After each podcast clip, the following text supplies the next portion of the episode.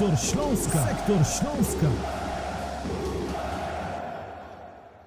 Dobrze, myślę, że możemy już e, zaczynać naszą dzisiejszą dyskusję, a więc witam Państwa bardzo serdecznie. To jest 104 odcinek sektoru Śląska. E, wracamy do Was po przerwie świąteczno-noworocznej i zaczynamy 2024 rok z przytupem, bowiem naszym gościem jest dzisiaj obecny trener drugiego zespołu Michał Hetel. Witamy bardzo serdecznie Panie trenerze na naszej antenie. Dobry wieczór, witam wszystkich. E, ale również moim gościem oraz współprowadzącym tej dyskusji będzie mój redakcyjny kolega i weteran trzecioligowych boisk, czyli Jakub Kleszkowski. Witam Cię, Kuba. Dobry wieczór, witam wszystkich i dziękuję za tak ładne przedstawienie. Ja oczywiście nazywam się Kacper Cyndecki i e, postaram się poprowadzić tę dyskusję. Oczywiście, tak jak zawsze, możecie brać udział w naszej rozmowie poprzez klikanie tej opcji Zabierz głos albo pisanie na czacie. Ja będę starał się to wszystko moderować, czytać, dawać Wam możliwość wypowiadania się. Oczywiście naszą rozmowę będziecie mogli jutro rano, czyli we wtorek, zobaczyć także na YouTubie, Spotify'u oraz SoundCloudzie. No i myślę, że już wystarczy tych formułek. E, panie trenerze, jak nastroje po tym pierwszym noworocznym treningu? E, czy ta atmosfera, która panowała dzisiaj we Wrocławiu bardzo zimno, nie przeszkodziła Panu i Pańskiemu zespołowi w dzisiejszych zajęciach?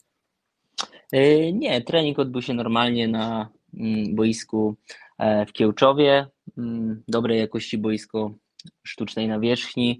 E, oczywiście nie widzieliśmy się chwilę, więc miło spotkać zawodników po takiej, po takiej przerwie i wszyscy uśmiechnięci, ale skupiamy się już na, na pracy i na przyszłości. I rozumiem, że wszyscy zawodnicy w komplecie, nie ma żadnych nieobecności związanych ze świętami i e, cała kadra jest w pełni.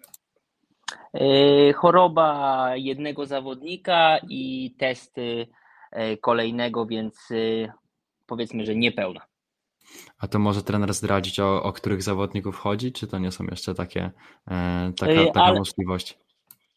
Allen Rozum, Allen Rozum niestety zachorował a na testach e, w ŁKS-ie przebywa Szymon Michalski. Dobrze, to teraz Kuba możesz się podłączyć do dyskusji. E, więc na pewno chcielibyśmy dzisiaj porozmawiać przede wszystkim, e, tak jak wprowadziłeś tutaj Kasper, temat zespołu rezerw, ale też na samym początku chcielibyśmy przedstawić nieco, nieco szerzej pana sylwetkę. Jak, jak wiemy, według portalu Transfermark jest pan w Śląsku od 2017 roku. Można już tak naprawdę powiedzieć, że zna, ten, zna Pan ten klub od podszewki. I czy mógłby trener opisać dla nas i przede wszystkim też dla, dla kibiców y, swoją drogę, jaką przeszedł Pan właśnie w klubie, aż do objęcia posady tutaj trenera zespołu rezerw? Mhm. Y, tak, do, do Śląska trafiłem e, jako analityk e, do pierwszego zespołu, kiedy trenerem był Mariusz Rumak. E, następnie byłem asystentem e, w drugim zespole, e, później asystentem w Centralnej Lidze Juniorów U19, następnie scoutem w pierwszym zespole i szefem scoutingu w pierwszym zespole i zostałem trenerem drugiego zespołu, więc taka droga. Ja bym chciał podpytać, jak wygląda ta praca skauta, bo myślę, że to nie jest taka rola, która jest w szeroko pojętym internecie i gdzieś tam publicznie e, mówiona. Jak, jak, wygląda praca takiej, takiej osoby w klubie, jakie kompetencje e, są, no i jakie są po prostu zadania trenera, znaczy trenera skauta?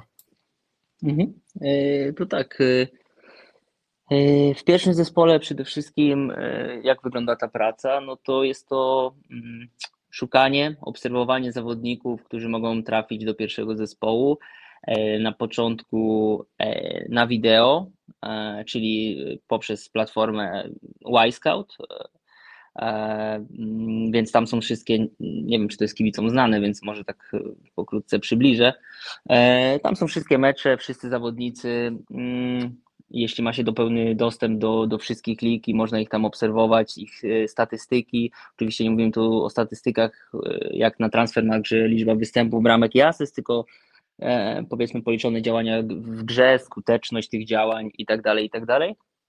No i oczywiście w weekendy to są obserwacje na żywo, więc jeśli chodzi o tutaj o nas i o, o moją pracę, w tamtym okresie przede wszystkim to był polski rynek, pierwsza liga, ekstraklasa, ale oczywiście zdarzały się też wyjazdy zagraniczne, jeśli E, no jeśli mieliśmy po prostu jakiegoś zawodnika i wiedzieliśmy, że jest to możliwe i była szansa zobaczyć go na żywo, no to staraliśmy się e, jechać, ale to oczywiście zależało od, od naszych możliwości w danym momencie. Tak, właśnie mówił trener, że, że, był, że był pan szefem działu scoutingu, a do jakiego transferu taką największą cegiełkę pan dołożył, jeśli chodzi o tych zawodników, którzy przybyli do Śląska? Mm, największą cegiełkę. Ciężko, ciężko tak e, jednoznacznie powiedzieć, bo, no bo ten proces powiedzmy były zaangażowane najczęściej oczywiście na, na początkowym etapie, nie liczę już tutaj sztabu szkoleniowego, tylko mówię o takim stricte dziale scoutingu, czyli osoba, które zajmowały się na tym pierwszym etapie, dyrektor sportowy plus ja plus e, był zatrudniony w tamtym okresie jeden scout, e, taki na pełny etat, zmieniały się te osoby. Yy, więc no co, no myślę, że jest tam kilka takich tematów, którymi wspólnie oczywiście możemy się pochwalić. John Jeboa, Przemysław Płacheta, Mateusz Praszelik, kto tam jeszcze, tacy co odchodzili, bo to wymieniłem tych, którzy byli sprzedani z zyskiem. Wojtek Gola odszedł też z zyskiem, Fabian Piasecki, ale oczywiście też tacy, którzy teraz grają, Erik Exposito, Mm, ciężko tutaj to wymieniłem. Przede wszystkim tych, którzy gdzieś tam zostali mm, sprzedani lub są takimi powiedzmy gwiazdami, ale wielu też było takich zawodników, którzy myślę, że pełnili ważną rolę w zespole, a oczywiście kiedy przychodzili nie mieli tego e, potencjału sprzedażowego, no bo mm, nie każdy zawodnik, którego się pozyskuje ma powiedzmy taki potencjał i taką rolę, szansę na to, a jest ważnym zawodnikiem. Nie wiem, Dino Stiglec, teraz Martin Kączkowski, no, myślę, że jeszcze kilku by się wymieniło, no bo wiadomo, że ja trafiłem, e, kiedy dyrektor Sztylka został dyrektorem sportowym, więc od tego okresu te wszystkie transfery to jakby przykładałem do nich e, swoją cegiełkę, jak to pan nazwał, i w takim oczywiście do tych pozytywnych i do tych negatywnych, więc, więc biorę odpowiedzialność. I właśnie wspomniał Pan o, o Dariuszu Sztyl, Sztylce i o tym, że współpracował Pan z nim, kiedy był on dyrektorem sportowym w Śląsku Wrocław i tak z perspektywy teraz trenera drugiego zespołu, e, jakie widzi Pan różnice albo też e, takie jakby Pan e, sparował ze sobą pracę Dariusza Sztylki oraz Dawida Baldy? No, ciężko to porównywać, dlatego że jakby w innej e, roli funkcjonuje, więc e, porównywanie tego no jakby e, nie jest uważam sensowne, ponieważ z dyrektorem Baldą pracuję powiedzmy w innej roli, bo jestem drugim trenerem, a z dyrektorem Sztylką pracowałem jako szef scoutingu, jako scout, więc jakby mm, nie chciałbym tego porównywać, no bo jakby inną funkcję pełnię. Właśnie dużo Pan powiedział o swojej dotychczasowej e, drodze i pracy jak do tej pory. I czy mm, mógłby Pan opisać to, jak dotychczasowa ścieżka i te doświadczenia, które Pan zgromadził do tego, do tego momentu, pomagają Panu w codziennej pracy teraz z zespołem rezerw? No, przede wszystkim pierwsza rzecz oczywiście Zacząłem jako dziecko grać w piłkę nożną, aż do powiedzmy 19 roku życia. Niestety, e, niestety nie byłem na tyle mm, zdolny i utalentowany, żeby na tym zawodowym poziomie zagrać, no ale moja pasja do piłki jakby poszła w tym kierunku, że zacząłem studiować na Akademii Wychowania Fizycznego we Wrocławiu i e, na kierunku sport, specjalności trenerskiej, więc jakby tutaj ukierunkowałem się e, nie jako zawodnik, bo, bo po prostu to się nie udało, tylko jako chciałem jako trener no i te, na początku ten AWF, następnie zacząłem pracować już w trakcie studiów jako trener z młodzieżą, z dziećmi i młodzieżą, więc to tak jakby też się mm, e, rozwijałem pracując, praktykując. Oczywiście w tym czasie szkolenia, wyjazdy e, na staże zagraniczne, ciągłe edukowanie się, ciągłe rozwijanie, podpatrywanie innych trenerów, czy jako asystent, czy jako analityk w pierwszym zespole, czy później jako E, scout y, czy szef scoutingu, jakby ciągle kształcąc się w tym, e, w tym kierunku. Oczywiście to, to były różne funkcje, no ale dotyczące piłki nożnej, samej gry, e, czy analizy zawodników, czy analizy przeciwnika jako analityk, czy jako trener swojego zespołu, więc jakby to wszystko kręciło się wokół, e, wokół e, tego i, no i te doświadczenia przez ten czas po prostu nakierowały mnie w tym kierunku i była szansa objęcia drugiego zespołu, więc podjąłem to wyzwanie i, jestem tutaj teraz. Dokładnie, tutaj chcielibyśmy też przejść już do, do tematów ściśle związanych z zespołem rezerw.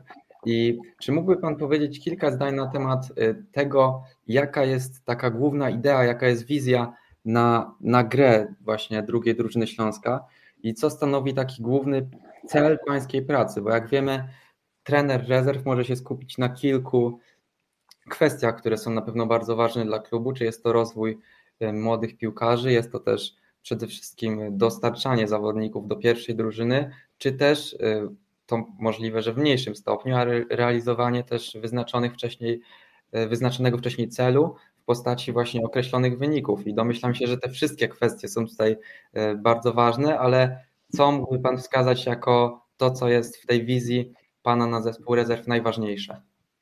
Na pewno to, co Pan powiedział, czyli prowadzenie, znaczy prowadzenie e, pomoc tym zawodnikom, żeby e, wprowadzić ich do pierwszego zespołu. Oczywiście to nigdy nie będzie tak, że to będzie na 20 w kadrze 20, tylko uważam, że jeśli to będzie jeden, dwóch, to, to będzie sukces. Każdy tak naprawdę, który e, trafi do pierwszego zespołu przez rezerwy i w jakiś sposób pomóc mu, mm, jest tutaj sukcesem, ale oczywiście tworzymy też drużynę, tworzymy grupę zawodników, którzy mają też swój cel wynikowy, bo oczywiście sport łączy się z tym, a zwłaszcza zawodowy, że chce się wygrywać, więc y, myślę, że to się nie wyklucza, że chcemy e, wygrywać, e, grać z każdym, wygrywać. Więc tak naprawdę przygotowujemy się na to, e, co będzie dotykało tych zawodników na każdym poziomie, jeśli będą chcieli piąć się do góry, czyli presja w wyniku, chęć zwycięstwa. No i tak naprawdę tyle. Właśnie ta presja wyniku. Czy tutaj w momencie, kiedy zespół wygrywa w ostatnim meczu rundy z liderem i ma tylko cztery oczka straty do, do pierwszej drużyny, pojawia się taka już realna na pewno szansa na walkę y, o awans? Czy pojawia się już coś takiego y, w Pana oczach, że tutaj trzeba walczyć o ten awans, czy raczej spokojnie i skupiamy się właśnie na rozwoju zawodników, a, a wynik jest tutaj sprawą drugorzędną? Dalej, by, dalej, by, dalej bym tego nie wykluczał, tak? No bo skupiamy się na rozwoju zawodników, ale chcemy wygrywać. Chcemy wygrać z każdym, z, z kim będziemy się mierzyć, i, i tak, jeśli to doprowadzi nas do awansu, to jak najbardziej chcemy to zrobić, e, ale przy tym chcemy rozwijać zawodników. Nie wykluczam, uważam, że te dwie, dwa elementy trzeba połączyć i jakby jest to obowiązkiem. I rozwijać, i wygrywać. A jakby Pan właśnie ocenił dotychczasowe spotkania drużyny rezerw? Jakby Pan ocenił tą rundę? Myślę, myślę, że generalnie możemy być zadowoleni. Oczywiście e, były lepsze, słabsze spotkania, zależnie od e, też zespołów, z którymi rywalizowaliśmy, e, bo nie oszukujmy się, że każdy rywal stawia troszeczkę inne wymagania i i na pewno nie było tak, że każdy mecz był super w naszym wykonaniu. Zdarzały się też słabsze występy, no ale zdobyliśmy 38 punktów, więc, więc uważam, że to e, dobry wynik, jeśli chodzi o tą ilość spotkań, więc e, jestem zadowolony z tej rundy. Również na pewno kibice mogą być zadowoleni z takich wyników. A czy pan spodziewał się, że będzie aż tak y, dobrze? Bo na pewno tutaj było dużo przetasowań, czy właśnie w samym sztabie szkoleniowym, czy też y, wśród y, zawodników. I myślę, że, że aż tak dobre występy wcale nie były tak oczywiste. Na pewno to, co Pan powiedział, jeśli chodzi o zawodników, to sporo tych zawodników odeszło. Nie chcę teraz przytaczać dokładnej liczby, bo to kwestia też oczywiście może odejść 10, ale takich, co mniej więcej grało, ale myślę, że chyba 8-9 takich, co gdzieś tam regularnie występowało w pierwszym składzie. E, oczywiście to była też znak zapytania, jak sobie poradzi e, ta grupa, która została. E, jeśli chodzi o transfery przychodzące, pojawił się jeden zawodnik, Kacper Zabolski z Pogoni Szczecin. ciężko mi było to ocenić. Tak naprawdę na bieżąco to się weryfikowało, obserwując ligę i zawodników, e, e, którzy trenowali, grali, rywalizowali, i wtedy można było tak naprawdę już mniej więcej po tej rundzie ocenić e, potencjał naszego zespołu. I myślę, że zawodnicy stanęli na, na wysokości zadania. Jeśli chodzi o sztab, no to no tutaj zmienił, zmienił się jakby pierwszy trener, ale reszta sztabu została. Dawid Gomora, Mariusz Pawelec, Piotek Celeban, Miłosz Gładoch, Kuba Korkiewicz. Y, oni też pracowali wcześniej, więc, więc tutaj cieszę się bardzo, że, e, że ten sztab pozostał, bo to doświadczeni e, trenerzy, doświadczeni ludzie, którzy mają wielki wkład w e, te nasze wyniki teraz. Wspomniał Pan o zawodnikach, którzy występują aktualnie w zespole rezerw i po, tym, po tej ostatniej rundzie miałem okazję E, rozmawiać z kilkoma zawodnikami pana drużyny i między innymi jeden z liderów zespołu, e, Kuba Lizakowski, który zapytany po, po tym spotkaniu z rekordem wygranym, zapytany o cel na ten sezon, już przy, przy zwycięstwie nie krył tego, że nie krył takiej pewności siebie i, i tego, że wygrana potwierdza to, że rezerwy jak najbardziej celują w tym sezonie po awans. I, jaka jest tutaj opinia trenera? Czy czy mógłby Pan też tak zadeklarować to, że y, tutaj jest cel jest jeden i to jest awans do, do drugiej ligi? Mm, to, to znaczy, y, nie będziemy się tego bać y, powiedzieć, bo jeśli e, zajmujesz drugie miejsce i masz cztery punkty po rundzie, straty do lidera, w bezpośrednim meczu zdobywasz z nim cztery punkty, no nie można się tego bać, ale to tylko słowa, więc zostanie, zostało 16 spotkań do rozegrania i tutaj się zweryfikuje, czy e, na co nas stać, bo możemy oczywiście powiedzieć, że będziemy walczyć, będziemy, czy nas na to stać? Oczywiście stać nas na to, ale to, to liga to wszystko zweryfikuje. I myślę, że Kuba też jest tego świadomy, ale podoba mi się, że, e, że mówi odważnie, że będziemy atakować, bo, no, bo po co mamy rywalizować, jeśli, jeśli naszym celem nie jest wygrać z każdym. I, i, i idąc za tym awansować. Mm, dokładnie, ale też właśnie ten awans wydaje mi się o tyle ważny, że na pewno przeskok między trzecią a drugą ligą jest na, o tyle szczególny, że moment awansu sprawia, że y, zespół przeniósłby się na ten szczebel centralny. I co to, co właśnie przeskok do drugiej ligi mógłby dać tym młodym zawodnikom i, i jakby pan y, ocenił w ogóle tą możliwość, która, która może być może się pojawi po tym sezonie? Na, na pewno kolejne doświadczenie, poziom centralny, więc y, między każdą ligą uważam, że dlatego druga jest drugą, pierwsza pierwszą, ekstraklasa ekstraklasą. E, jest pewien przeskok, rywalizacja na poziomie centralnym, kolejne doświadczenie, kolejna możliwość pokazania się jakby szerszej publiczności, e, więc tak naprawdę same plusy, więc jest o co walczyć. Ja na pewno chciałbym przypomnieć, że możecie pisać na czacie pytania, jeśli macie je do trenera Michała Hetela oraz możecie także e, brać udział w naszej dyskusji, a ja przeszedłbym teraz do tego, co mówił właśnie wcześniej trener o tym rozwoju zawodników. I moim zdaniem jednym z takich ważniejszych piłkarzy w pańskiej układance jest Miłosz Kurowski. Jest to zawodnik, któremu kończy się w czerwcu kontrakt czy mógłby trener scharakteryzować w jakiś sposób Miłosza i, i czy są jakieś dyskusje, czy są jakieś rozmowy pomiędzy e, zawodnikiem a klubem, mm, które świadczyłyby o tym, że, że ten kontrakt może zostać przedłużony? Y, jeśli chodzi o kontrakt, to nie mam e, pojęcia, to pytanie do dyrektora sportowego. E, bo jakby się tym nie zajmuje.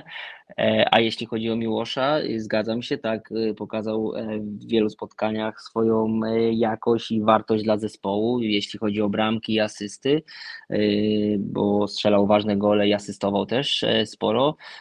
Zawodnik, który na pewno potrafi grać między liniami, taki skrzydłowy, lewonożny, schodzący do środka, ewentualnie dziesiątka, na przykład w systemie 3-4-3 inteligentny zawodnik, który co pokazał e, tutaj, czy też drugiej lidze, potrafi e, dać zespołowi bramkę asystę. E, intensywny, który też te jego wyniki, jeśli chodzi o motoryczność, jeśli chodzi o intensywność, są na dobrym poziomie. Mm, Więc myślę, że taka charakterystyka Miłosza wystarczy. Tak, a jeszcze ostatnio była mowa w mediach o tym, że jeden z zawodników pańskiej ekipy mógłby opuścić Śląsk. Mowa oczywiście o Jakubie Jezierskim, który według tych informacji, które były w mediach, e, był na testach w Koronie Kielce. I czy według trenera ten zawodnik jest już gotowy na to, żeby grać albo w pierwszym zespole Śląska, albo po prostu gdzieś tam na, e, na wyższym szczeblu, tak jak e, właśnie teraz, tak jak mówią media, była próba odejścia do Korony Kielce ze strony zawodnika? Uważam, że ma umiejętności i możliwości, żeby grać na wyższym poziomie zdecydowanie, ale oczywiście to jakby boisko weryfikuje, jego walka o skład, przykładowo trafia do Korony Kielce, w której był na testach, więc musi wygrać tę rywalizację. E, Nie jestem w tym zespole, nie znam też tak jeden do jednego każdego z e, ich zawodników, żeby powiedzieć, że na pewno wygra albo nie wygra, E, ale uważam, że jest to zawodnik z możliwościami, e, umiejętnościami na wyższy poziom niż trzecia liga na pewno. A wie pan, co nie zagrało na tych testach, że jednak e, Kuba wrócił do Wrocławia i to tutaj dalej kontynuuje swoją grę? Myślę, że nie nazwałbym tego, że nie zagrało. Z tego, co gdzieś tam trafiały do mnie informacje, y, to y, spodobał się i gdzieś tam było zainteresowanie korony, ale jakby nie wiem do końca, mm, na ile ta korona była zdeterminowana i e, jakby, żeby pozyskać Kubę, w jakim kierunku to poszło. Na ten moment nic się nie dzieje, ale to oczywiście może się zmienić i nie powiedziałbym, że nie poszło, bo oczywiście testy to jedno, a, a transfer to, to coś innego. Kuba ma kontrakt w Śląsku, więc y, to nie jest tak, że po prostu też tu jest zawodnika i go bierzesz, jak ci się spodoba, tylko trzeba dojść do porozumienia, więc e, z tego, co słyszałem, to, to pokazał się z dobrej strony. Mm, Kuba na pewno też już zbudował taką y, pozycję w Pana zespole. Kacper też wymienił jak dotąd y, Miłosza Kurowskiego. Ja po tej rundzie na pewno oglądałem na większość spotkań y, Śląska tutaj trzeciej lidze i na pewno wyróżniłbym jako lidera defensywy tutaj Huberta Muszyńskiego, też Kuba Lizakowski pokazał się z bardzo fajnej strony. Jakub Lutos- Lutostański, lider y, klasyfikacji strzelców, czy Aleksander Wołczek też on popisał się kilkoma fajnymi występami. I czy są jeszcze jakieś nazwiska, które tutaj y, wymagają jakiegoś szczególne, szczególnego wyróżnienia przez Pana? Myślę, że tych zawodników, co Pan wymienił, to e, tak, to były na pewno ważne postaci, ale też Mateusz Stawny e, też grał całą rundę tak naprawdę regularnie e, i bardzo dobrze. E, Bartek Głogowski e, w bramce był zawsze mocnym punktem i, i nas tutaj wspomagał też wychowanek Śląska e, od najmłodszych lat. Więc e, też z tego się bardzo cieszę, że tacy zawodnicy, którzy są bardzo długo w klubie, pokazują, że, że mają tą jakość. On oczywiście jest w pierwszym zespole, ale, ale często występował u nas. Mm, Reszta zawodników oczywiście też dołożyła swoją cegiełkę i, e, i nie chciałbym nikomu tutaj umniejszyć, e, ale myślę, że te nazwiska, które e, zostały wymienione, e, no to powiedzmy, że zagrali też najwięcej minut, tak z głowy oczywiście, e, i miały, miały, mieli tutaj e, duży wpływ na, e, na zespół. Właśnie z ciekawej strony też o tym chciałem wspomnieć, że z ciekawej strony po, pokazuje się tutaj ten wytworzony w trakcie tej rundy duet defensorów, bo właśnie Stawny, którego Pan wymienił i Hubert Muszyński, który stał się takim liderem właśnie defensywy, tworzą bardzo, bardzo ciekawy duet, też co ciekawe bramkostrzelny, bo potrafią znaleźć się nie tylko y, w polu karnym Śląska, ale też y, potrafią znaleźć się idealnie w polu karnym rywali. I mam tutaj pytanie właśnie o Huberta y, Muszyńskiego. Jaka jest jego rola w zespole? Bo jest, nie licząc Mariusza Pawelca, oczywiście jest najstarszym zawodnikiem, jest kapitanem. I czy tutaj jest poza jego oczywiście zadaniami boiskowymi, czy tutaj też się pojawia tak, pojawiają się też zadania i jego rola poza boiskiem? Mm, Tak, myślę, że Hubert jest tutaj, mm, tak jak Pan powiedział, oprócz Mariusza, najbardziej y, doświadczonym y, zawodnikiem. Y, Zespół y, wybrał go jako kapitana, więc tak naprawdę to zespół dostrzegł, docenił jego cechy tutaj przywódcze i, i oczywiście jego rola w szatni też jest bardzo ważna, no bo jako kapitan scala i prowadzi ten zespół i na pewno E, pokazuje też młodym zawodnikom, młodszym od niego, e, tą swoją jakość, ale też e, profesjonalizm, który, który na pewno go charakteryzuje. Tak, a ja chciałbym jeszcze poruszyć temat jednego z zawodników, który jest kontuzjowany, pechowa kontuzja Krzysztofa Kurowskiego. E, z tego co pamiętam, to tam były problemy z kolanem u, u młodzieżowca. I jak to była bardzo odczuwalna strata dla pana i, i całego zespołu, bo wydawało się, że Krzysztof jest takim zawodnikiem, który stanowi trochę o sile Śląska, ta lewa e, strona defensywy była przez niego e, zajęta, no i, no i czy według trenera to jest piłkarz, który po, po tym powrocie z kontuzji mógłby być takim solidnym lewym obrońcą? Tak, na, na, na pewno y, y, Krzysiu, który też trenuje z pierwszym zespołem, y, jeśli grał u nas, to pokazywał jakość, był mocnym punktem, pomimo młodego wieku był mocnym punktem. Jego umiejętności, determinacja, zaangażowanie E, pokazy, pomimo młodego wieku, to co jeszcze raz powtórzę, e, był na pewno takim mocnym punktem i, i żałujemy, że doznał kontuzji e, i myślę, że jak wróci, to, to będzie, będzie tutaj wzmocnienie naszego składu. A ile jeszcze pauzy Oczywi czeka jeśli, Krzysztofa? Jeśli, jeśli oczywiście nie wywalczy miejsca w pierwszym zespole, czego mu życzę. Tak, tak. A ile ta pauza Krzysztofa jeszcze mniej więcej będzie trwała? Mm, z tego co wiem, to wraca już do treningów. E, nie wiem dokładnie, kiedy zacznie trenować z piłką, a kiedy z zespołem, ale już jest, y, powiedzmy, zaczął. Zaczął e, pracę, y, ale nie wiem dokładnie, nie znam terminów, kiedy, e, kiedy wejdzie y, w trening z zespołem, no bo to, to tak naprawdę na bieżąco się dzieje, bo to, te, te etapy są takie, że fizjoterapeuci i trenerzy motorycznie obserwują obserwują, jak e, to kolano się zachowuje i wtedy są podejmowane decyzje, czy przyspieszać i powiedzmy dokładać tych obciążeń, czy jeszcze czekamy, jeszcze jest za wcześnie, bo kolano jeszcze nie jest gotowe na to, czy tam staw kolanowy nie jest gotowy na to mięśniowo też, e, na to, żeby, żeby zrobić ten kolejny krok, więc to ciężko mi ocenić.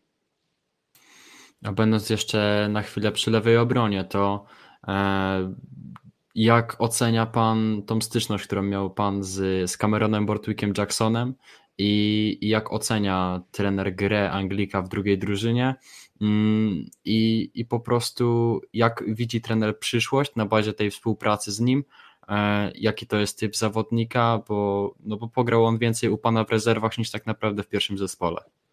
Mhm. E, tak, Cameron na pewno na początku brakowało mu, jakby nie analizowałem jego meczów i przygotowań, ale na pewno brakowało mu trochę, jeśli chodzi o przygotowanie fizyczne. Nie był w swojej takiej optymalnej formie.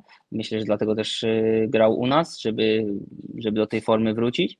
E, zawsze wykazywał się profesjonalizmem, e, realizował zadania, które były mu przekazywane, więc myślę, że tutaj nie było żadnych problemów, e, jeśli chodzi o niego aż tak dużo też nie zagrał, ale zawsze pięć spotkań, ale zawsze, e, tak jak mówię, e, grał na solidnym, dobrym poziomie e, i był zaangażowany, zachował się jak profesjonalista, więc nie mogę złego słowa powiedzieć. A skąd wziął się ten pomysł, żeby Cameron występował na pozycji środkowego obrońcy? U nas grał raczej na lewej obronie, e, chyba że była sytuacja, że mm, pierwszy zespół chciał, żeby zagrał na tej pozycji, ale raczej to była lewa obrona. Oczywiście e, Cameron jest takim zawodnikiem, który jest lewym obrońcą, ale o bardzo dobrych warunkach fizycznych, no bo 190 centymetrów, e, lewonożny, więc oczywiście takich zawodników lewonożnych, środkowych obrońców każdy potrzebuje, więc myślę, że to taka może być taki mm, ciekawy pomysł na niego. Mm, I myślę, że te warunki, no bo wiadomo, że to jest taki profil, e, profil zawodnika. Mm, bliżej mu powiedzmy do Dino Stigleca, chociaż jeszcze to jest trochę inny zawodnik, e, niż do takiego powiedzmy e, Patryka Janasika, czyli bardziej mobilnego, niższego zawodnika. jest też jeszcze jeden zawodnik, który występuje aktualnie w pierwszym zespole, również na, na bokach obrony i myślę, że warto o niego zapytać i odnieść się też do, do jego wątku. I myślę tutaj o, o tym, że Jehor Macenko ma za sobą też, też przede wszystkim grę w zespole rezerw, bardziej w zeszłym sezonie, w tym sezonie tak naprawdę tylko y, zaczął, zagrał bodajże jeden mecz i od razu trafił do, do pierwszej drużyny. I czy przypadek właśnie tego zawodnika możemy tutaj określić jako takie niemal y, wzorcowe przejście do pierwszego zespołu z zespołu rezerw? Na pewno to jest przykład zawodnika, który idealnie wszedł do drużyny i, i był w stanie wykorzystać swoją szansę. Myślę, że nie każdy jest w stanie y, tak dobrze wykorzystać te minuty, które y, może otrzymać w pierwszym zespole. I też mam wrażenie, że charakterystyka tego zawodnika, który występował w rezerwach, idealnie podpasowała tutaj pod zespół Jacka Magiery. I jakby pan właśnie y, ocenił to wejście Chorem Ocenki do, do pierwszej drużyny? Mm, ciężko powiedzieć, czy to było wzorcowe, bo tak naprawdę w tamtej rundzie nie grał tak dużo e, w zespole rezerw, e, ale to, co już chyba e, wspominałem wcześniej, że trener Magiera zobaczył jego bardzo dobry występ przeciwko Stali Brzeg. Pokazał swoje atuty, swoją fizyczność, swoją pasję, chęć y, zdobywania pola gry. Mm, I właśnie tak to jest. Trzeba być y, cały czas gotowym, bo nigdy nie wiesz, kiedy przyjdzie Twoja szansa, Twoja okazja, żeby się pokazać. Jedno został zaproszony do pierwszego zespołu, a później przekonał e, trenera Magierę do tego, żeby dał mu szansę i tą szansę na tyle wykorzystał, że to nie był jeden występ, tylko e, sporo minut, sporo występów w pierwszym zespole. Oczywiście już e, Jehor ma 21 lat, więc e, taki zawodnik e, w tym wieku na pewno na pewno już jest gotowy, żeby, żeby rywalizować. Więc nie mówimy o zawodniku tam 17-letnim, tylko już takim powiedzmy wiekowo, fizycznie E, który powinien być gotowy na, na rywalizację, jeśli oczywiście jest to zawodnik o potencjale na sport zawodowy. Właśnie w przypadku tego zawodnika chodziło mi bardziej o to, jak mhm. idealnie wpasował się w zespół, w pierwszy zespół, nie tyle to przejście, bo też jakby e, zgadzam się z tym, że jego droga e, w rezerwach różnie, w różnym kierunku już szła, szczególnie przy współpracy z trenerem Wołczkiem. I, ale tutaj też mamy taką sytuację, w której zawodnik zaczyna e, sezon w rezerwach i nagle pan traci zawodnika, który mógł być e, bardzo ważnym ogniwem zespołu. I tutaj właśnie pozostając przy personaliach, personaliach samych, e, w drugich drużynach często właśnie musi dochodzić do bardzo dużo, dużej ilości rotacji, to na przeróżnych pozycjach, w różnych sytuacjach. I czy jak, no to myślam się, że to jest problem, i jak duży to może być problem, żeby to wszystko y, odpowiednio poukładać i zadbać o to zgranie zawodników. Też zawodnicy, którzy przychodzą z pierwszej drużyny do drugiej i jak oni są wpasowani pod względem taktyki do gry zespołu rezerw. Tak, zgadza się. Y, znaczy, jakby na pierwszą część pytania, e, tak, straciliśmy jakby ważnego zawodnika, ale no cieszymy się z tego, no bo jakby to, co cały czas panowie też powtarzali, naszym celem jest, żeby trafiali do pierwszego zespołu, więc cieszymy się z tego i e, jeśli chodzi o Jehora, a jeśli chodzi o to drugą część, na pewno jest to problem, jeśli tych zawodników jest zbyt dużo i, i oni na przykład też rzadko występowali w drugim zespole, no to wiadomo, że ta gra mm, nie jest taka płynna, często ta organizacja nie jest na tak dobrym poziomie, więc oczywiście jest to wyzwanie i e, Mm, I chciałoby się, żeby tych zmian, jakby tych, e, tej liczby zawodników nie było aż tyle, no bo wiadomo, że to wpływa na organizację, mm, na organizację gry e, zespołu, funkcjonowania, ale no taka jest też rola rezerw, więc, e, więc no po prostu trzeba to przyjąć i jak ci zawodnicy z pierwszego zespołu spadają, no to wymagać od nich, żeby tą swoją jakością i pokazali, że są zawodnikami ekstraklasowymi, pomimo, że ta organizacja nie jest wtedy na bardzo dobrym poziomie, bo wiadomo, że nie trenują wszyscy ze sobą razem i, e, i, i, te założenia mogą być inne, no to tą jakością potrafią zrobić tą różnicę i wygrać mecz. Dokładnie, a Kuba wcześniej mówił o tych szansach i, i tą szansę wykorzystał niewątpliwie Jehor Matsenko. E, i kiedy właśnie myślimy o tych szansach, to wydaje mi się, że szansa, którą miał przed sobą Filip Gryglak została koncertowo przez niego zmarnowana, bo to był piłkarz, który młodo zadebiutował w Śląsku Wrocław, a teraz ostatnio tak naprawdę e, klub poinformował, że jego kontrakt został e, zerwany za porozumieniem stron bodajże jak trener y, wspomina tego zawodnika, no i co takiego się wydarzyło, że Filip już nie jest zawodnikiem Śląska i ta jego kariera potoczyła się właśnie e, w takim kierunku. Kontrakt, kontrakt został rozwiązany za porozumieniem stron, e, niezerwany, e, więc, więc dlaczego jakby tutaj takie moje sprawy z Filipem, to nie chciałbym o tym mówić e, na wizji. Życzę Filipowi jak najlepiej. E, mam nadzieję, że, że ten debiut w bardzo młodym wieku to nie będzie taki ostatni jego krok, że zrobi jeszcze mm, zrobi coś jeszcze fajnego w piłce, ma na pewno do tego spore umiejętności, dołoży do tego zaangażowanie, pracę i w przyszłości jeszcze o Filipie Gryglaku mam nadzieję i życzę mu z całego serca usłyszymy. Y, no bo od 14 chyba roku życia w Śląsku, jeśli dobrze pamiętam, więc y, też będziemy mogli się pochwalić, że to nasz e, wychowanek, więc życzę mu wszystkiego dobrego i mam nadzieję, że, że wróci na dobre tory. Trzecia liga i rezerwy Śląska Wrocław to tak naprawdę jest taka, e, taki pokaz dla tych młodych zawodników z Akademii niekiedy Śląska Wrocław. I ja mam do trenera takie pytanie, na jakiej podstawie ci piłkarze są wybierani z tych y, młodszych roczników, czy to na przykład trener E, jeździ na te mecze, obserwuje piłkarzy i decyduje, kto pasuje mm, właśnie panu do koncepcji, czy może wysyłany tam jest jeden z asystentów, jak wygląda właśnie ten proces selekcji i wyboru tych piłkarzy z młodszych grup.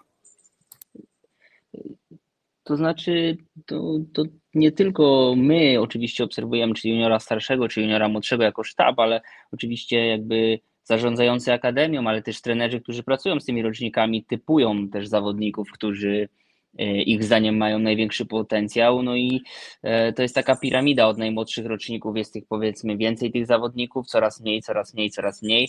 Część trafia, odpada, e, część się przebija, trafia coraz wyżej, U17, U19, no i część się przebija do drugiego zespołu, a znowu iluś tam do, próbuje do pierwszego zespołu lub naokoło inną drogą E, do sportu zawodowego przez inne drużyny i jakby to jest ciągła rozmowa. No, widzimy się w klubie, rozmawiamy, e, trenerzy z młodszych, e, z młodszych kategorii i, i tutaj zarządzający, koordynatorzy, dyrektorzy cały czas jesteśmy w kontakcie i jeśli ktoś e, się wyróżnia, no to na początku e, trafia też e, na treningi do naszego zespołu, obserwujemy ich w treningu, więc to jest ciągłe, płynne i jeśli ktoś pokazuje się przykładowo w W17 czy w W19, powiedzmy, że to są takie roczniki, które już, już gdzieś tam u nas trenowały w drugim zespole, no to na początku zapraszani są na treningi, a później z czasem e, mogą dostać szansę i, i, i grać w drugiej drużynie, jak na przykład Michał Wróblewski.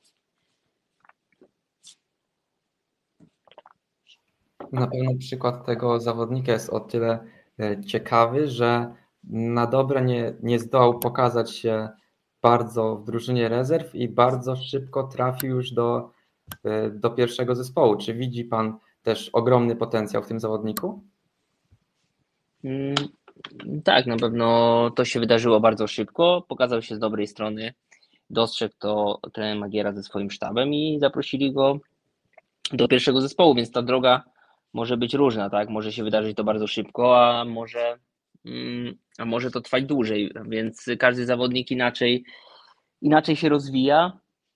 Yy, o tym wielkim potencjale, no to uważałbym zawsze, bo, mm, bo oczywiście Michałowi tego nie chcę tutaj zabierać, ale to są zawsze te potencjały, to, to są zawsze słowa, a później to wszystko spokojnie trzeba podchodzić do tego z głową i, i dać tym zawodnikom spokoju i czasu, żeby się rozwijać, bo ile razy już mówiliśmy o tych zawodnikach z potencjałem, a później e, wiadomo, różnie się to kończyło, więc y, chłodna głowa, myślę, spokój i, i brak takich wielkich słów określających e, zawodników jako wielkie talenty na pewno, na pewno się, się przyda.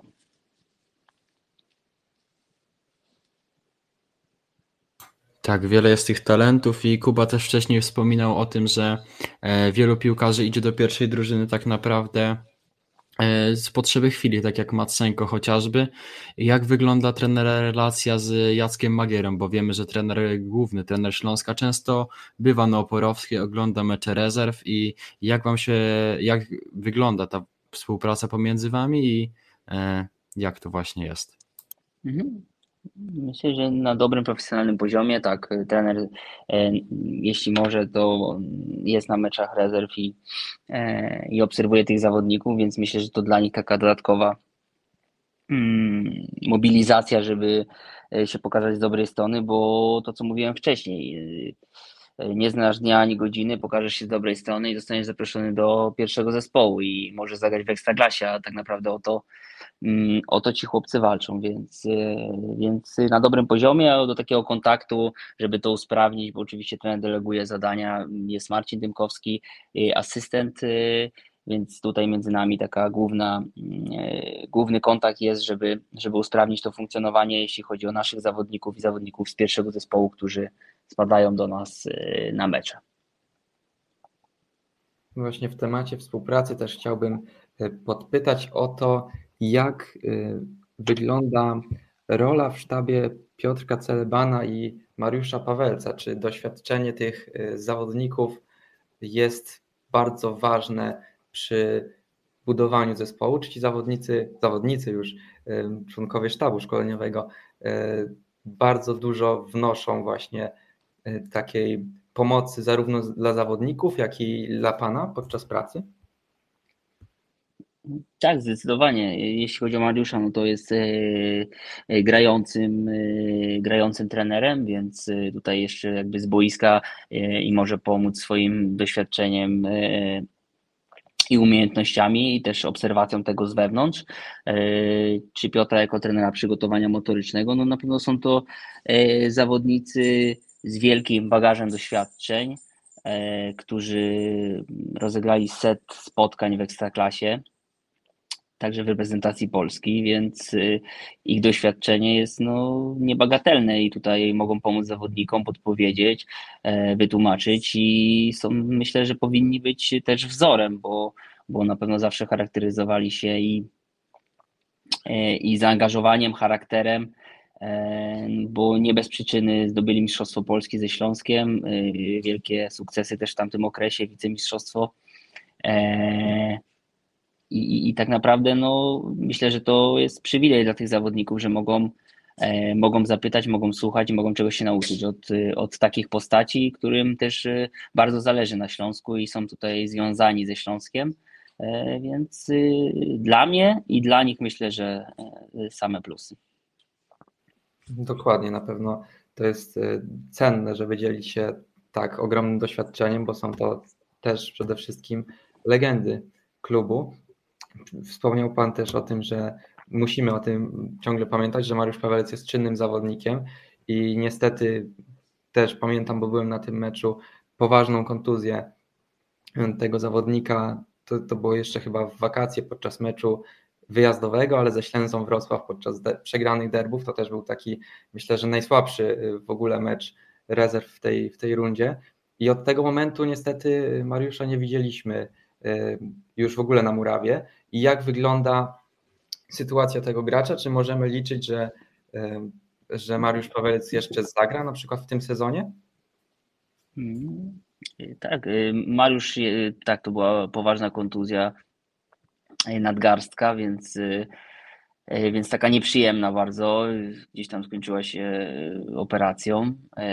Mariusz już trenuje normalnie od pewnego czasu razem z zespołem. Oczywiście ta musi cały czas nam wzmacniać i uważać na, na tą rękę, ale, ale zaczyna, zaczyna normalnie teraz przygotowania, przepracował cały ten okres przejściowy, więc normalnie będzie walczył o skład. Oczywiście jego rola jest połączona, więc to też trzeba brać pod uwagę, że pełni, pełni dwie, dwie funkcje, pełni dwie role. I tak, jest to oczywiście szansa, że, że zobaczymy go w tej rundzie. Będzie o to walczył na pewno i, i to już boisko wszystko zweryfikuje. Na pewno kibice bardzo czekają na ten moment. i, i właśnie cieszę się, że jest taka, taka możliwość, może się pojawić w tym, w tym sezonie. Też mam takie dość nieoczywiste pytanie, bo w Śląsknecie piszę o zawodnikach, którzy są wypożyczeni i tutaj mam takie pytanie, czy śledzi Pan ich losy, bo na pewno są tu też zawodnicy, którzy przede wszystkim występowali wcześniej w rezerwach. Oskar Michał Szmigel, Łukasz Gerstenstein, który oczywiście gra aktualnie w Ekstraklasie w Stali Mielec. No i też zawodnicy, którzy nawet zaczynali z Panem e, ten sezon. Adrian Bukowski Javier Hyjek. Czy właśnie śledzi Pan ich losy? To znaczy, nie, nie obserwowałem wszystkich spotkań, jakieś tam Łukasza w Ekstraklasie, Adrian Bukowski E, Adrian Brukowski nie za dużo zagrał w Stali Rzeszów. E, Adrian Bukowski nie za dużo zagrał w Stali Rzeszów. Oskar Mielcarz tak. E, tutaj to bardziej trzeba byłoby zapytać też trenerów ramkarzy mm, o taką powiedzmy profesjonalną opinię, więc no, cieszę się przede wszystkim, że jak grają. Jeśli chodzi o Michała Szmigla, to, to na początku więcej trochę grał, później trochę mniej. E, no ale fajnie, że ci zawodnicy gdzieś tam na tych e, wyższym poziomie e, potrafili, potrafili się obronić i, i pokazali czasami, zdarzyło się, pokazywali też, że, że zawodnicy z drugiego zespołu radzą sobie na tych wyższych szczeblach. Oczywiście ciężko mi powiedzieć, jak się ich losy potoczą, czy wrócą. Nie znam też dokładnie. Oskar był w pierwszym zespole, więc Oskar Mielcarz, więc to tak naprawdę jest pierwszy zespół.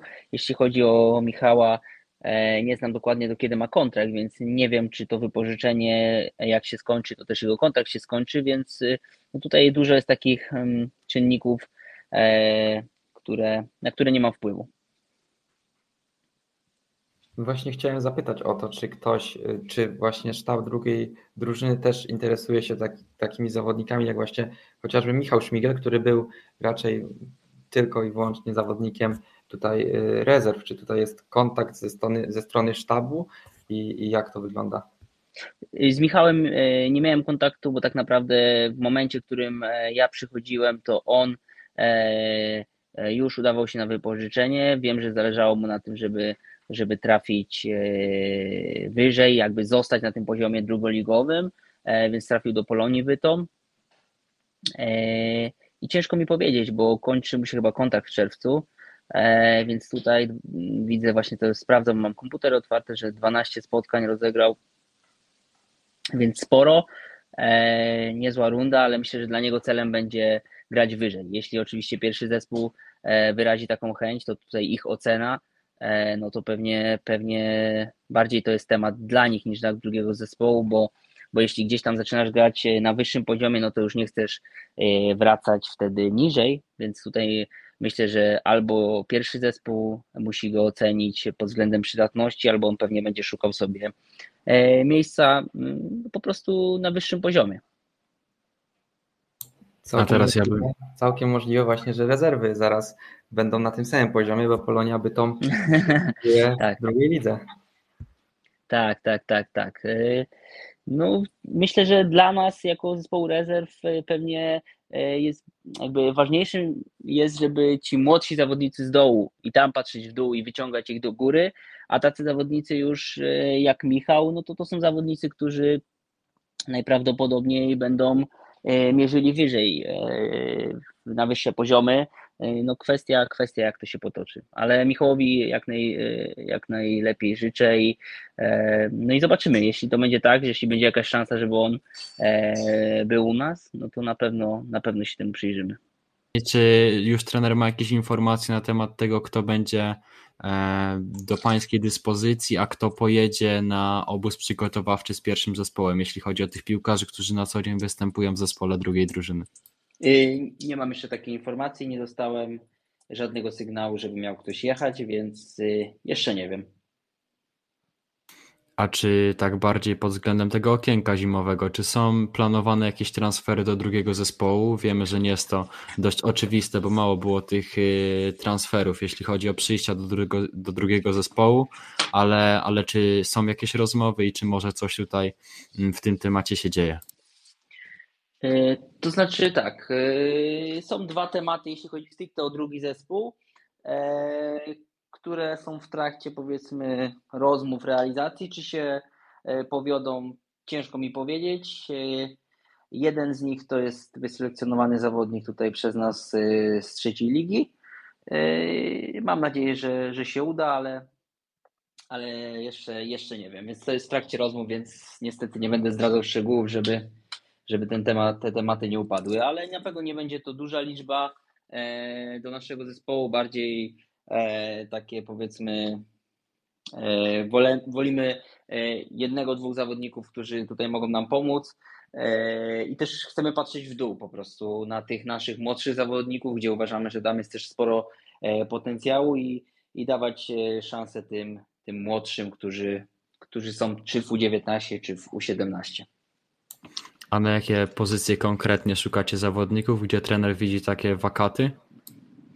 Mm, tak naprawdę nie szukamy na pozycję, tylko jeśli zauwa zauważymy jakiś potencjał, umiejętności, no to, to po prostu chcemy takiego zawodnika, który wierzymy, że ma jakąś szansę e, się przebić wyżej. No, to jest dla nas kluczem, a nawet nie, e, nie pozycja, bo, bo, bo dla nas jest ważne, żeby kogoś e, pomóc mu z szansą na trafienie do pierwszego zespołu lub pomóc zawodnikowi, który, który może trafić na wyższe poziomy, a a tutaj jeśli chodzi o pozycję, no to, to nie nastawiamy się dokładnie na to, że gdzieś jest tam jakaś przestrzeń, e, bo uważam, że jest na tyle zawodników, e, e, że na każdej pozycji gdzieś tam mamy pewne możliwości, a jeśli byśmy mieli coś tutaj uzupełniać, to wolelibyśmy tych zawodników z Akademii. A teraz widzę, że na czacie pojawiło się pytanie od Słodkiej Kibicki. Kto wykonał największy postęp w tym sezonie? Y, bardzo ciężkie do ocenienia dla mnie. Y, y, myślę, że wielu zawodników zrobiło jakiś tam krok do przodu. To doświadczenie, te mecze, które rozegrali, dało im taki, taki postęp. Nie chcę tu jakoś wielce politycznie odpowiadać, ale naprawdę ciężko mi zmierzyć, kto zrobił największy postęp. No jest to, jest to trudne do ocenienia E, przeze mnie. No, kilku zawodników pokazało się z dobrej strony, to co mówiliście wcześniej, ci co z pierwszego zespołu, e, Kuba Lutostański spadali, Miłosz Kurowski, e, czy w naszym zespole Kuba Jezierski, Alek Wołczek, Oskar Wojczak, linia obrony, Lizakowski, Muszyński, Stawny, bardziej doświadczona powiedzmy grupa tych, tych zawodników. No tak naprawdę ciężko mi wybrać jednego, który, który zrobił największy postęp. Hmm, Kasper zadawał wcześniej przed, przed tym pytaniem też e, pytanie na temat tego, jacy zawodnicy mogą dołączyć do zespołu rezerw, a czy jest w ogóle temat tego, żeby gracze, którzy nie łapią się do e, pierwszej drużyny, jakoś tutaj przygotowywali się też z drugą drużyną. Myślę na przykład o zawodnikach e, w środku pola, jak Szymon Lewkot czy Marcel Cylla, którzy raczej są oddaleni od gry w ekstraklasie, więc może tutaj będą dostawać swoje szanse? No, to znaczy, nie mam takiej, y, takiej informacji na ten moment, żeby czy Marcel, czy, czy Szymon mieli być, y, y, trenować z nami, być w naszym zespole, więc są zawodnikami pierwszego zespołu. Tutaj to decyzja jakby należy do, do trenera Magiery i sztabu i jeśli jakaś taka zapadnie co do któregoś z zawodników, no to oczywiście e, szeroko otwieramy ręce i przyjmujemy ich i, i przygotowują się z nami. Tak, a często pojawia się tak naprawdę w mediach, można powiedzieć, że taka teza, e, że w drugim zespole tak naprawdę powinno się ogrywać piłkarzy i pokazywać im taki wzór taktyki oraz sposobu gry e, na to, co oferowane jest w pierwszym zespole. Tak, kiedyś chociażby e, z tego co pamiętam było, że trener Jacek Magiera grał trójką obrońcą, obrońców i trener Piotr Jawny też gdzieś tam zbliżoną taktyką, nie tą samą oczywiście, ale zbliżoną, e, grał w swoim zespole, drugiej w swoim zespole, czyli wtedy w rezerwach. I czy trener zgadza się z tym, że właśnie drugi zespół powinien być takim trochę odwzorowaniem i przedłużeniem wizji tego pierwszego zespołu?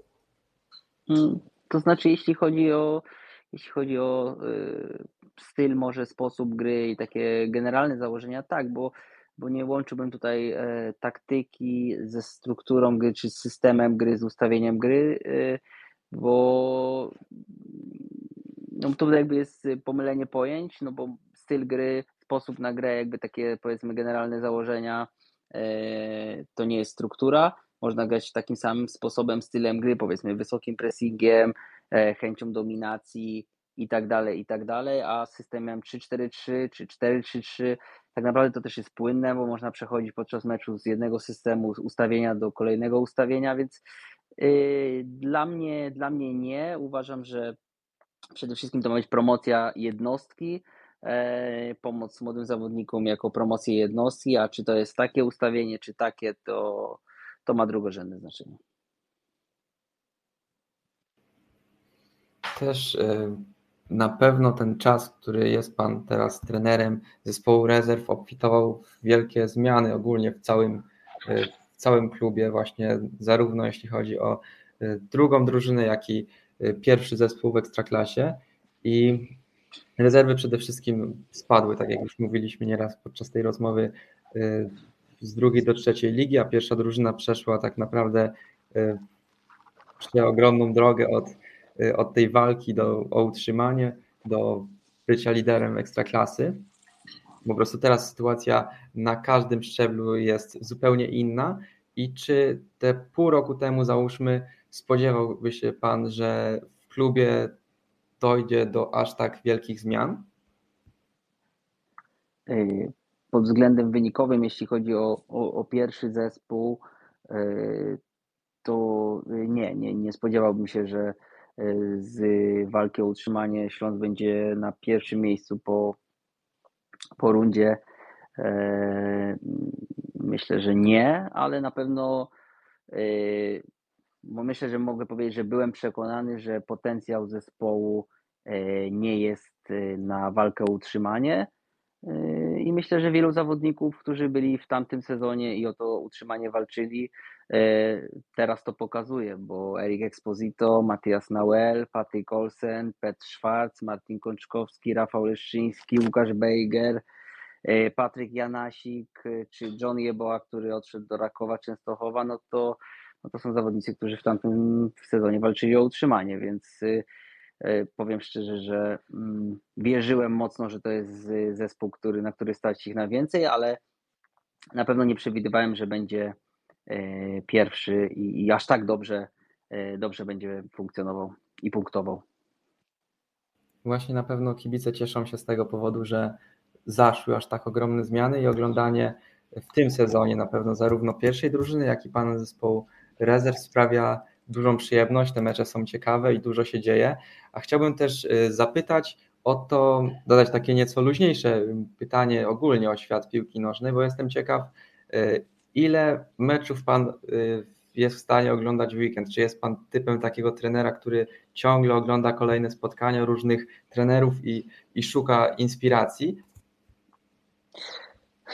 Na, na pewno, na pewno oglądam a i szukam inspiracji różnych trenerów, ale też staram się y, zachować ten balans y, między pracą i odpoczynkiem. Oczywiście ta praca jest też pasją i E, i od tego ciężko uciec, jak e, grają e, zespoły na wyższym poziomie, czy, czy, czy też w ekstraklasie, czy, czy, czy w tych najlepszych ligach, żeby nie obejrzeć, żeby nie przeanalizować, ale staram się to wszystko zbalansować kiedyś. Kiedyś trochę tego balansu było mniej, ale teraz widzę, że czasami mniej, a po prostu bardziej wnikliwie o lepszej jakości niż bardzo dużą liczbę, a bardzo pobieżnie. Więc no, tych trenerów już też znam E, no bo od jakichś lat śledzę różnych trenerów, e, e, ich zespoły i gdzieś tam analizuję, więc teraz już tak naprawdę wybieram poszczególne, jeśli mi na czymś zależy, na obserwacji czegoś, jakiegoś, nie, nie wiem, fazy gry zawodnika, sposobu, czy powiedzmy spotkania dwóch trenerów, jak jeden gra na drugiego, dany styl, mm, na dany styl, sposób, więc już tak naprawdę sobie to, to, to selekcjonuję.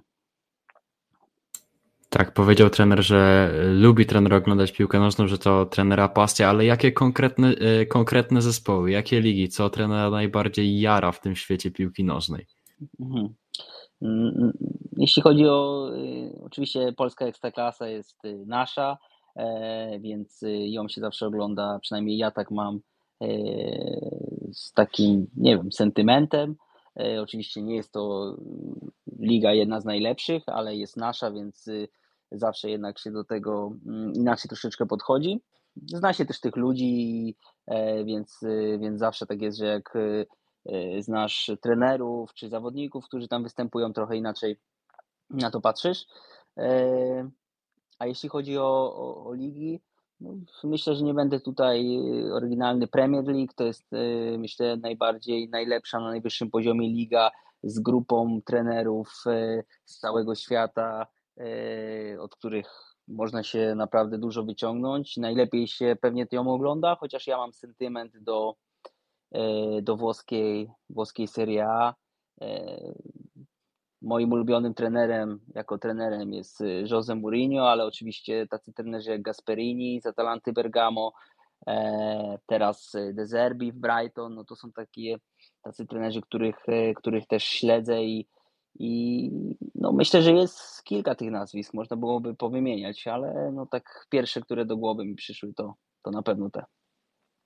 A czy jest taki jakiś zespół, który e, już tak może od małego, albo tak z sentymentu właśnie, e, jak grał jeszcze trener w piłkę, to, to przy trenerze został i lubi trener oglądać właśnie e, mecz jakiegoś takiego konkretnego zespołu, omijając Śląsk Wrocław i właśnie drużyny z Polski?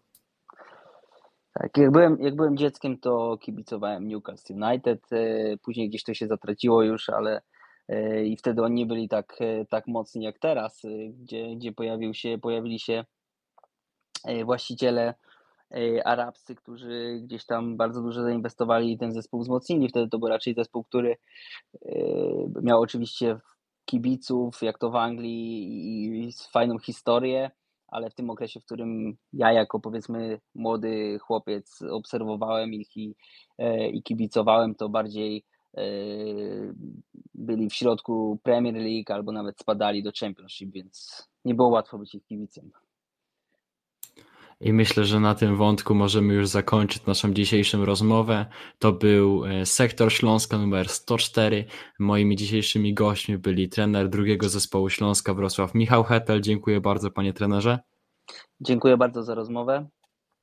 Oraz mój redakcyjny kolega, ekspert od trzeciej ligi Jakub Kleczkowski. Również dziękuję. Dziękuję bardzo za rozmowę, to była przyjemność a ja nazywam się Kacper Tyndecki. Również dziękuję wszystkim za wysłuchanie naszego podcastu. Jeśli słuchacie to z odtworzenia na YouTubie, SoundCloudzie lub Spotify, ale głównie na YouTubie, to możecie zostawić na łapkę w górę, zasubskrybować nasz kanał, a ja życzę wszystkim miłego dnia lub wieczoru trójkolorowi. Hej Śląsk! To jest Sektor Śląska. Sektor Śląska.